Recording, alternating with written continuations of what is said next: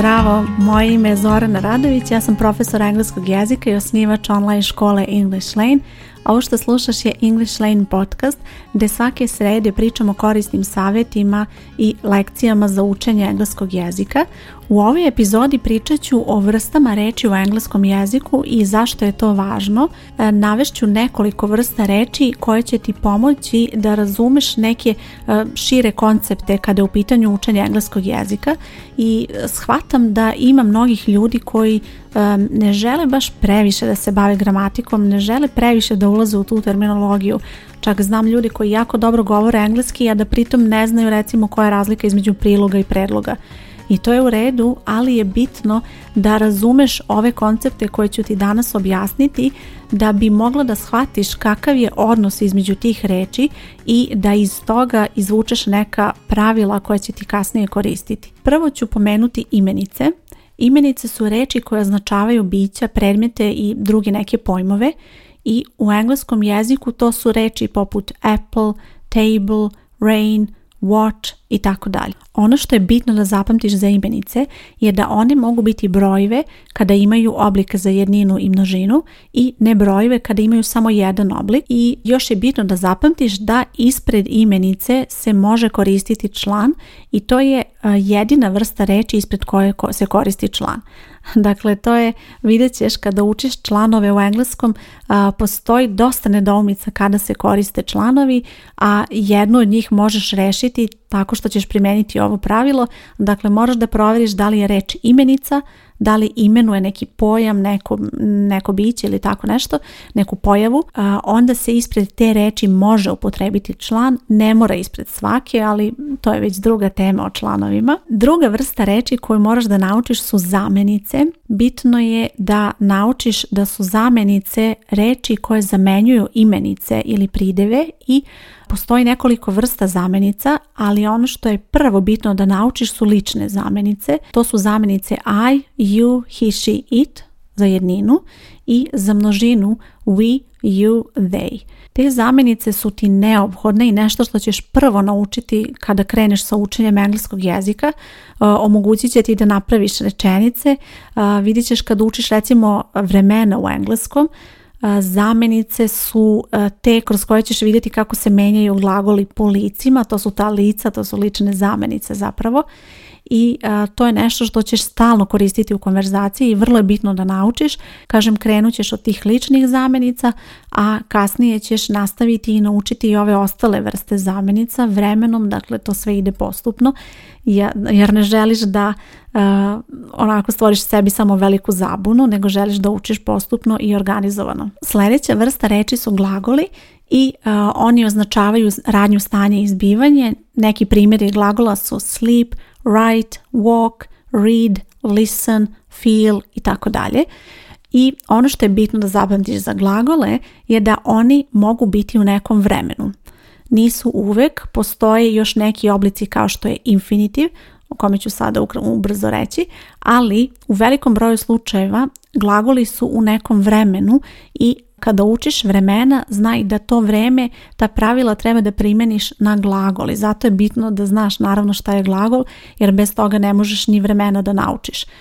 Glagole kada učiš, učit ćeš u tom osnovnom obliku koji se zove infinitiv taj oblik ne mora uvijek biti isti što znači da može nekada da se promeni ako koristiš neko vrijeme recimo taj infinitiv se menja to dodaje se nastavak neće više biti infinitiv bit će recimo slips ako je za treće lice jednine ili postoji situacija kada se dodaje nastavak ing sleeping i tako dalje. Ali bitno je da znaš da je osnovni oblik infinitiv i to je nešto od čega krećeš kada učiš glagole i onda naravno dalje prilagođavaš taj glagol vremenu, odnosno rečenici u kojoj se taj glagol nalazi. Ovdje je bitno još i da ti skrenem pažnju na činjenicu da u engleskom neke reči, to jest mnogo reči, mogu biti i imenice i glagoli. I sada to možda tebi zvuči zbunjujuće, pogotovo ako tek krećeš sa učenjem engleskog, ali nije tako, veruj mi kako učiš engleski jezik, kako učiš postepeno i ako učiš onako organizovano sa razumevanjem, vrlo će ti biti to logično i nećeš imati dilemu da odrediš da li je reč imenica ili glagol. Recimo imamo reč watch koja može biti imenica I have a new watch, imam novi sat ili we're watching TV, gledamo televizor. Znači watching je ovdje glagol. Četvrta grupa reći u engleskom na koju ću ti skrenuti pažnju su pridevi i pridevi se koriste da opišu nešto i obično stoji uz imenicu ili zamenicu i e, mogu se naravno upotrebiti i samostalno i to je obično posle glagola to be, ali ono što je bitno da zapamtiš za prideve je da se ispred njih ne koristi član ako stoje samostalno. Jedna od najčešćih grešaka koje ispravljam u zadacima kod polaznika u mojoj školi je upravo to to da se upotrebi član ispred prideva koji stoji samostalno. To ne treba da bude tako.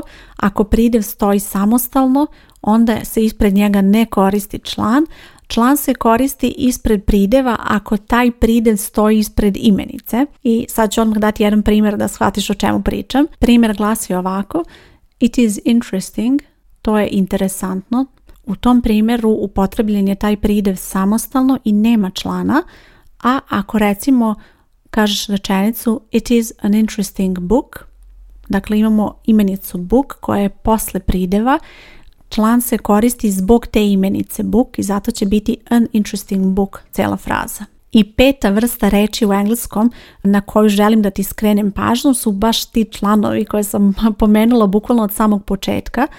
Vrlo je bitno da učiš članove i znam da ljudima nije problem da shvate tu vrstu reči, da postoji ta vrsta reći, ali vrlo često ima puno nedoumica kada se koriste članovi, u kojim situacijama treba, kada ne treba i članovi su reći, one male reči a, e, n, d, koje se nalaze ispred nekih drugih reči, kao što sam već rekla, članovi se koriste ispred imenica i to je to nešto što treba da zapamtiš i postoji jako puno situacija kada se koriste članovi, kada ne, ali je vrlo bitno da ti znaš o toj vrsti reči, da znaš da je ta vrsta reči bitna u engleskom, da se vrlo često koristi i da jednostavno moraš od samog početka da učiš neka konkretna pravila kada su u pitanju članovi, da učiš dosta kroz primjere, da se oslanjaš na ono što čuješ. Recimo, vrlo često ćeš čuti izraz in the morning, i to je nešto što ćeš naučiti bukvalno kao izraz i postoje razne situacije gdje ćeš moći kroz primere da zaključiš kako se koriste članovi. Naravno tu su i lekcije koje će ti u tome pomoći sa raznim pravilima Problem je što mnoga pravila imaju izuzetke, ali eh, eto to je neka posebna priča o članovima. Bitno je da zapamtiš da kada učiš engleski jezik, vrlo je bitno da prepoznaš članove kao vrstu reći i da ta vrsta reći mora biti deo konverzacije. U ovoj epizodi navela sam pet vrsta reći u engleskom koje je bitno da naučiš i da imaš u vidu kada učiš engleski jezik Naravno, to nisu sve vrste reči, ima ih još, ali ove su vrlo bitne zato što će ti pomoći, kao što sam već rekla, da shvatiš neke druge stvari. Dakle, ako znaš imenice, onda će ti to pomoći kad je u pitanju upotreba članova. Ako shvataš šta su glagoli, onda će ti biti lakše da razumeš i vremena i tako dalje. I zato su te reči bitan deo učenja engleskog jezika. Za kraj želim da te pozovem da ukoliko počinješ sa učenjem engleskog jezika ili ukoliko želiš da nastaviš učenje, da pogledaš više o English Lane školi i kako ti učenje na ovaj način može pomoći da ostvariš taj tvoj cilj. Učenje se odvija online, ali nisu u pitanju individualni časovi, već je sveobuhvatni program koji obuhvata mnogo aktivnosti koje su dostupne u okviru naše online platforme. Na stranici gdje slušaš ovaj podcast će biti link ka školi gdje možeš saznati više informacija kako učenje funkcioniše i naravno gdje postoji link kako možeš da se prijaviš za učenje u školi i postaneš član. Nadam se da će ti ova lekcija biti korisna i da će ti pomoći da razumeš te neke gramatičke pojmove malo bolje i da ti prosto ne budu nepoznati kada treba da primeniš nešto i kada treba da razumeš neko pravilo. Hvala ti što slušaš podcast, ja sam Zorana Radović i čujemo se uskoro. Ćao!